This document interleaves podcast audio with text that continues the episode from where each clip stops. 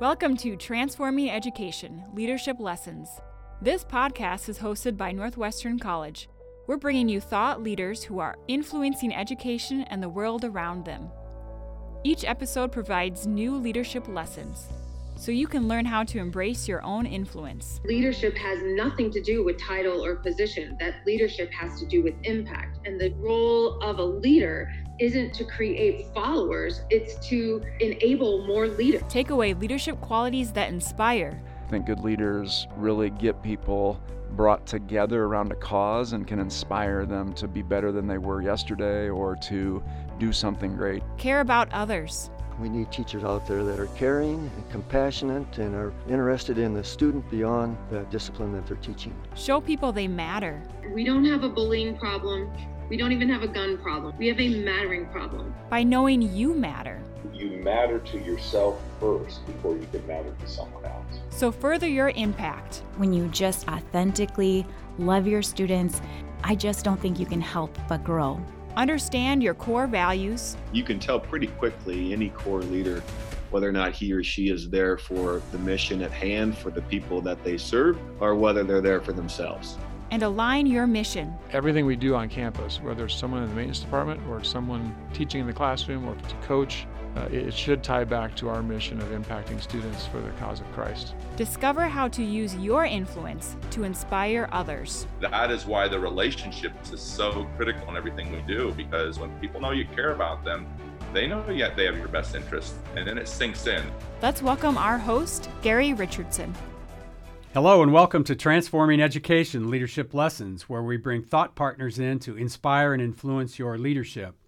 In this episode, we will be joined by Jenn David-Lang, who has been with us two other times and has been one of our most uh, highly recognized podcasts that we've done in the last few years. And Jenn operates her own business called The Main Idea and is also affiliated The Main Idea with School Administrators of Iowa. So in Iowa, we're pretty aware of Jenn and appreciate what she does as she summarizes books for busy school leaders and also provides PD for school leaders as well.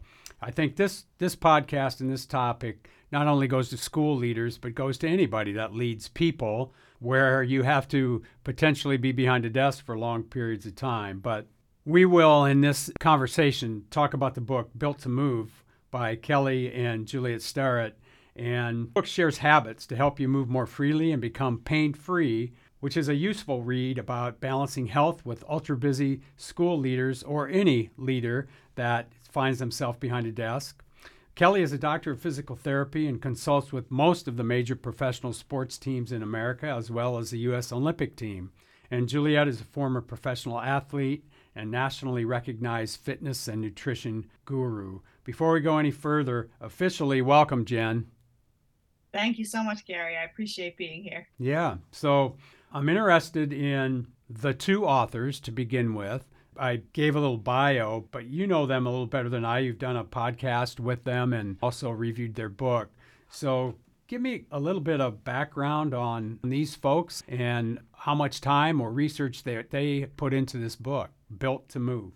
You know, your overview is a good one, just so people know, because they're not the typical authors we read as school leaders, sure. but they are nationally recognized health and nutrition experts. Even Barack Obama has called on them to consult with his aches and pains because, as you know, he reads a lot. So they are nationally recognized. They've written New York Times bestsellers. Kelly, before Built to Move, wrote another book called Desk Bound. And it was also about what, you know, Sure. what happens to the body and how to deal with it when we spend so many hours at the desk. And they're the kind of people, they opened up um, the first CrossFit in San Francisco and everybody sends them, you know, every new diet, new gadget, new bet. everything. So they're kind of like they filter through all of it. And they filtered through all of it and come up with some pretty simple ideas. And you may be thinking, if you're sitting here as a school leader, what what does this have to do with education? Right. You know, I guess I'll share a little bit of my connection to the book and my story and why I chose to share it with tens of thousands of principals and district leaders all over the country. I was not reading it for the main idea. I was reading it for me because I had about six months of the the worst debilitating back pain. I have a long history of back pain, but I couldn't get out of it this time. Hmm. I was so good about my PT exercises. I did them religiously, five out of seven days a week. I went to a chiropractor. I bought a, a TENS machine. I, you know, I tried so many different things, and I couldn't get out of the pain. And it really affects your ability to think, function, of course, just be a human being. So I I read this book and it's one of these like it changed my life. It just really helped me to get out of my pain without adding you know 10 hours of exercise to my week. And i'll talk a little bit about that. And so then i thought well wait a minute. I work with so many school leaders. And yes some of them do get up at 4 a.m and go to the gym but even that isn't necessarily enough according to kelly and juliet but most of them it's just too big of an effort to to do exercise every day while you're running a school. So because the ideas from this book are about how do you weave movement and other healthy habits into your day it seemed like oh this is a good fit for school leaders right? You know i mean they're they're tired of hearing teachers, leaders, all educators are tired from the pandemic of hearing like take care of yourself, take care of yourself, but they don't really have the time to do that or they don't really have the how. So I kind of feel like this book helps answer the how.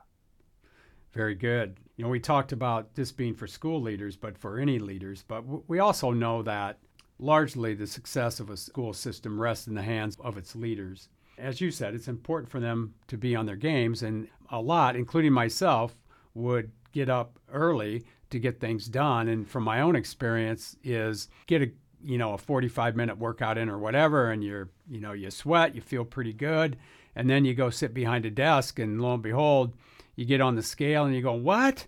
I did had that workout, yeah, and I'm not doing anything. And then the days that you have to clean the garage and mow the yard and, and run after stuff and you're busy all day and you and you see some gains. So it, it makes perfect sense sense to me. I think you hit it sort of the big premise of the book, which is that what Kelly and Juliet found is that even for the most serious athletes who they do that one hour of Peloton running, whatever, every single day, they were still having aches and pains. Mm-hmm. And it's like, wait a minute, but we're we're meeting that three, five times a week of 60 minutes. Why do we still have aches and pains? And it's because, and this is where the title comes from, evolutionarily, as humans, we were built to move. We were meant to move, right? So what is what does the life of most Americans look like these days? Well, we wake up and we sit down to eat our breakfast. Then we sit down to commute to work. Then we sit down to do our work. Then we sit down to commute home. We sit down to eat dinner, and then we sit down to watch TV, right? Sure.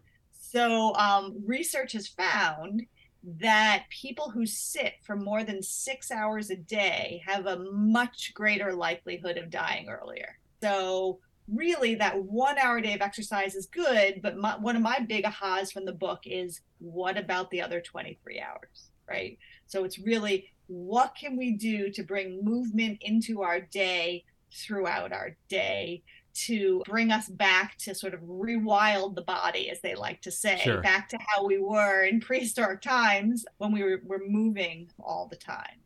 So yeah, so that was my one big aha is like, what about the other 23 hours? Sure. And then my other big aha was that, and Charles Duhigg talks about this in The Power of Habit, that if you want to start a new habit, even more important than like the logistics. I'm going to do this habit on tuesdays at this time with this person is the identity or the mindset right? So not i go running on tuesdays and fridays but i'm a runner.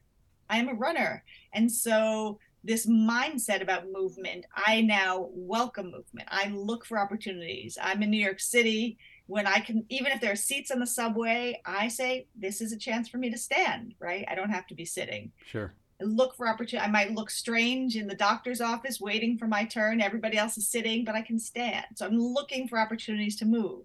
Or even when the kitchen is a mess and I have to load and unload the dishwasher and whatever, as opposed to grumbling, that's movement, they say, right? I'm on my feet, I'm bending, I'm twisting, I'm, you know, moving my upper body. So I welcome that as an opportunity to move. So my two changes are to focus on the other 23 hours or maybe all 24 hours and to change my mindset that I really try to find ways and welcome ways to bring movement into my life through the day. Very good. So, in the book, and you summarized a few of these, but they identify vital signs that leaders can use or do that keeps them active or moving as they're working. Can you explain and summarize a couple of those for us? Sure. Yeah, yeah. They I sort of have a, a short, several page overview of the book, but um, but they have 10 vital signs. Mm-hmm. They're sort of like these little tests you can do to see how mobile you are and then what to do if you're not. And I include about six of them. And you know, depending on your time, Gary, we could go through a few of them, but just to give like a quick example, they yep. say quick, the first vital sign is getting up and down off the floor. And it's just a test so can you sit crisscross applesauce on the floor or the rug? and can you stand up without touching anything? No. I wasn't asking you personally, but thanks for being honest. so uh, why do we care about this we run schools right well just research shows that an inability to be able to get up and down off the floor is connected to an increased incidence of death later on not tomorrow gary um, but it's it's a it's a sign that your range of movement is good. And you know and why do we care about all this for school leaders right? I mean the best thing for a school is for school leaders not to be coming and going every few years right? We want school leaders yeah. to stay and bring stability and too many school leaders have aches pains exhaustion. So that's just a quick little test you can do and you know, look, if you're the principal of an elementary school, right, you can go into an elementary classroom, sit on the rug, say, hey, let's all stand up, right? You know, or whenever you do happen to be sitting on the floor in your home, and, and you should be sitting on the floor more because that is evolutionarily, there was always a ground.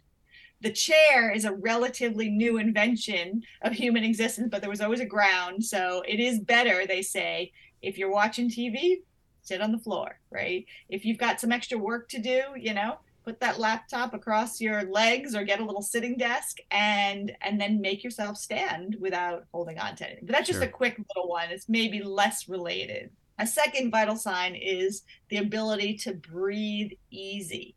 Now you may think, well, we're all breathing. What is breathe easy? Well, it's got to breathe well, there are two components. One, you've got to breathe expansively. You got to fill your your belly, your ribs, your chest, right? Enough to to push out all of the like the fluid and the waste, right? And actually breathing primarily through your nose. That is much healthier for the body. It, it, it warms the air, it, it filters out the germs. So anyway, that's something a busy principal can do, right? Yep. Whether you have a parent yelling at you or you just have too many deadlines, you can take a few moments, nobody sees it, just breathe out of your nose and you know, fill your belly. You can do that anytime that you want and people won't necessarily see that. Some people put a big post-it across their computer, breathe to remind them because when we get stressed out, we tend to breathe, you know, from our mouths or we hold our breath and that has a lot of harmful effects on the body breathing well helps you to build your immunity it lowers your blood pressure it helps with anxiety sleep. So there are big impacts um, for anyone but particularly stressed out school leaders to just weave some breathing in. I'm not talking about a whole meditation practice for an hour every morning. I'm just talking about throughout the day right? You're walking down the halls and notice yourself breathing. Breathe through your nose. So those are a couple of quick examples. Do you want i'm going to give you a few other ones. Yeah please do so I'm going to skip to um, vital sign four, which is walk this way. And a lot of principals say walking. Walking is one of the best things that uh, that we can do. There was, I think, a study. If you were to take two women who were the same height and weight, and one ran like hard running for three times a week, and another one walks about eight to ten thousand steps a day, it's the walking woman who burns 50,000 more calories a year. Hmm, interesting. So it's far better to walk than get to that gym a few days a week. They really recommend walk whenever you can. Now, look, principals are often already walking, right? Visiting classrooms, spending time in the lunchroom. So it's really just about tweaking, you know? Take the long way to visit that teacher that you want to observe, sure. right? Walk to the classroom and to the lunchroom and, and remain standing up find people to walk with. Park the furthest away from the entrance to your school right? You know the principal always gets the best spot. Well maybe the best spot is the furthest from the school right. so you can get more steps in. So you don't need any fancy equipment. Most of our iphones have a little app on it the health app and it will tell you how many steps. So they say really try to aim for 8000 steps a day because that is so beneficial. It helps with stress. It helps to undo all the harm that sitting does it improves your mood when you walk more, right? Because you do release endorphins the same way you do, like you've heard of a runner's high, but it's yep. the same thing when you walk. It helps with brain function, memory, and focus one school system in Massachusetts, they used to take the kids before the state exam out into the uh, courtyard or, and they would walk them around because they had read research that says that movement helps with brain function. So they're like, oh, this will raise our test scores if we do this. but yeah, so as a leader, if you can get more walking in, and then I love this description. Kelly and Juliet, they are parents of two girls, and they talked about when they were in elementary school that they were so stressed out by the whole drop off line, you know, traffic congestion. So they started walking their girls to school. I forget, it was maybe like a mile, mile and a half from home. They also got to walk home after they dropped their daughters off. Other parents would join them. They invited other parents or even would drop their kids. And it was part of this national movement. They, re- they didn't invent this, but it's called the walking school bus. You can look up the website. It's recommended by the US Department of Transportation but it's a way to get groups of kids to walk to school with a quote unquote okay. driver, like an adult who is who is leading them. Many people don't know this, but in 1969, 48%, almost half of 5 to 14 year olds walked or biked to school. Almost half, right? Over 50 years ago. But by 2014, only 10% did. So we're seeing childhood obesity, we're seeing a lot of other problems. So why not get a few adults? primarily is for elementary school to walk with groups of kids to school and back. So whatever you can do, weave more walking into your day. That's interesting. The bike thing. I used to be a snob and think walking, I'm not sweating, it's not doing anything, right? And now I just really it is. It's moving your joints, your ligaments, you know, it is when I heard that statistic about, you know, the woman who walked 8,000 steps a day for a year, that she's actually in better shape, right, than running three times a week. So Probably, I love that. Um, yeah. Do we have time for one or two more? Yeah, one more is good. One more. Okay, let's do this one, number nine, because this is really connected to schools. So, vital sign nine is create a movement rich environment. And it's connected to what we've been talking about, right? That just that Americans sit so much during the day. So you want to create an environment that gets you to move. So when I was having this terrible back pain, I've all I've heard about the standing desk and I was like, okay, I got myself I didn't get a desk, I got one of these. It's just a cheap stand to put my computer on yep. and then a separate keyboard. So nothing fancy. But I was like, oh, this isn't comfortable. This I thought this was going to alleviate my problems from sitting all day. No, standing is not supposed to replace sitting by itself. It's supposed to be your gateway to movement. It's not supposed to be comfortable. It's supposed to get you to fidget, to move, to lean on one leg. To the idea is to have more movement in your day. You know, all the years as educators, as teachers, we told our kids, stop fidgeting. They should be fidgeting. Yeah. People who fidget are thinner. And we need to find different ways to have movement in our day. So st- being at a standing desk is not to be still, but it gets you to fidget and move. Juliet Starrett, she calculated that if you stand for eight hours a day for a year versus sitting motionless, you would burn 100,000 extra calories or the equivalent of running 38 marathons. Wow. see that. Don't go quickly. If you go from sitting to standing eight hours, you know, you're going to be exhausted. It's way too much. But the idea is to find ways to move throughout your day. Part of what I love is that Juliet founded this nonprofit called Stand Up Kids. And what they realized is she and her husband, Kelly, were volunteering at like, you know, an Olympic day, field day kind of thing at their kids' school. And kids as young as six years old were having trouble getting into sacks for, you know, those potato sack races because they were having mobility issues even as young kids. And they really thought about starting this nonprofit to help bring standing desks to more schools. Because if you think about it, kids sit a lot in our schools and They we're do. responsible. So certainly we can do some professional learning for teachers on ways to get them up and moving and doing different things, but also having some stand-up desks. And this is elementary, middle, high school. It can give you the option that kids could stand for a little bit if they need to focus more, they could lower it, they could sit for different points, but just to get them to not just expend more calories, but more effort and help them to focus more.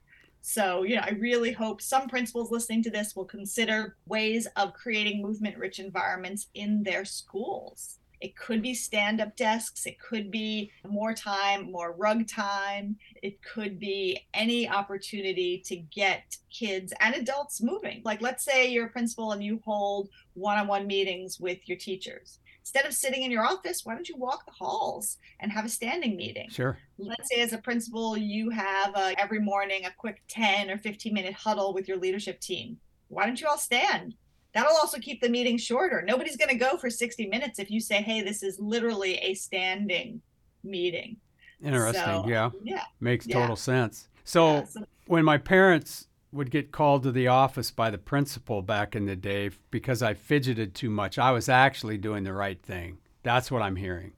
you were ahead of your time Thank you. Thank you. go back and tell the principal I'll, I'll, I'll let my mom know that she did a great job instead of thinking that I was just a knucklehead.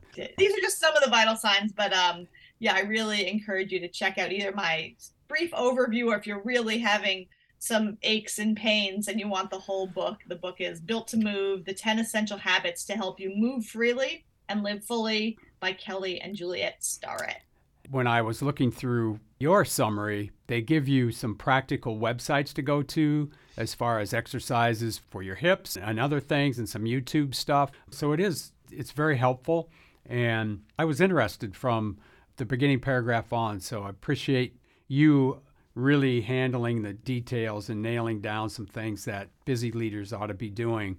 Just to shift the focus a little bit, Jenn, I just want to ask you what you're doing with school administrators of Iowa. I know you're involved, and since this is largely an Iowa podcast, um, a lot of people would be interested to know how you're affecting school administrators throughout Iowa and what you're doing with SAI. well anybody who is a member of sai gets a free subscription to the main idea so you get i write summaries of education books and also leadership and other other books so i send out one new summary a month but i now have over 170 books in my archives. So you can search those by topic.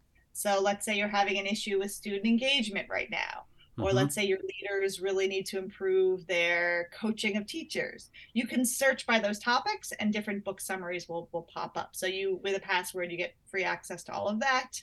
And then about a year ago i helped run a school leadership mastermind with sai which is it's an online opportunity for one hour every other week so it's for leaders who want to devote two hours a month to their own professional learning we learn something new. I usually provide a one page reading that we do on the spot. You don't Uh-huh. to do it for homework. We discuss it. And then people bring different problems of practice to the group, and the group helps them to problem solve. So anything from I have a toxic fifth grade teacher on the fifth grade team to my attendance and engagement has dipped since the pandemic to oh my gosh i can't find teachers anywhere retention Sure. is a huge issue Yep.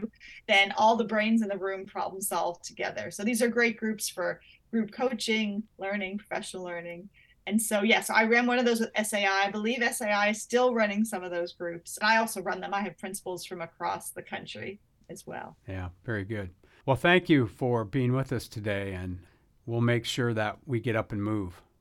Thanks, Jenn. Appreciate it. thank you gary thank you take care All right. Bye bye. Well, we thank Jenn David-Lang for taking time out of her day to, to meet with us. And certainly, Built to Move is a great book and a lot of good suggestions on how we can just simply move while we're doing our job and, and it helps us health wise. So, with me today is Danielle Vanderlee, who will co host the sending parts and provide a few highlights from what we're doing through the podcast. So, Danielle, I know you, you uncovered a, the most recent book that Jenn was reading, and if you'd share that with us, and then a couple highlights that you picked up from the conversation. Yeah, so Jenn is currently reading Support and Retain Educators of Color by Andrea Terrero Gabaldon.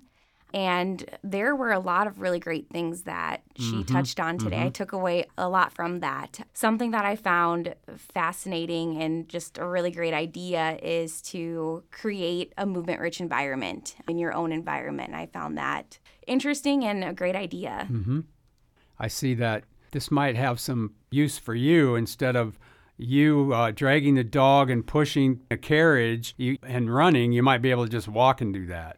Yes, yep, exactly. We we like to struggle a lot of evenings um, Yeah. in our week trying to go for for those runs. So maybe we'll kind of prioritize walking a little bit more, and even thinking about my lunch break. Sometimes I do stand at the counter and do it, and I'm going to keep doing that. I Uh-huh. think that's actually a good good thing to do in the middle of my day, and maybe start standing at my desk a lot more. I have a standing desk that I don't utilize, so I I need to use it.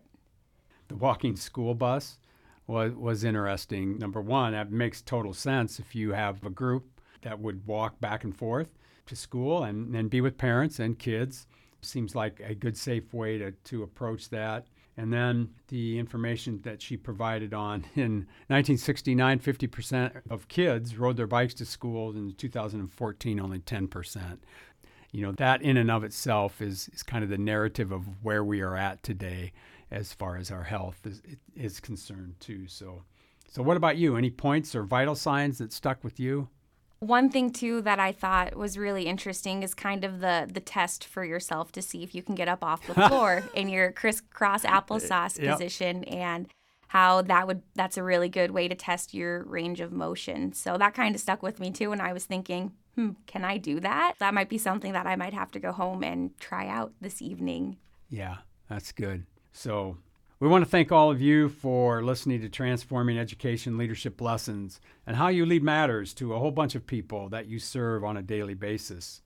Until next time, inspire and influence as you lead. A special thank you to Isaac and Danielle for their help today in getting this podcast out. We'll see you next time.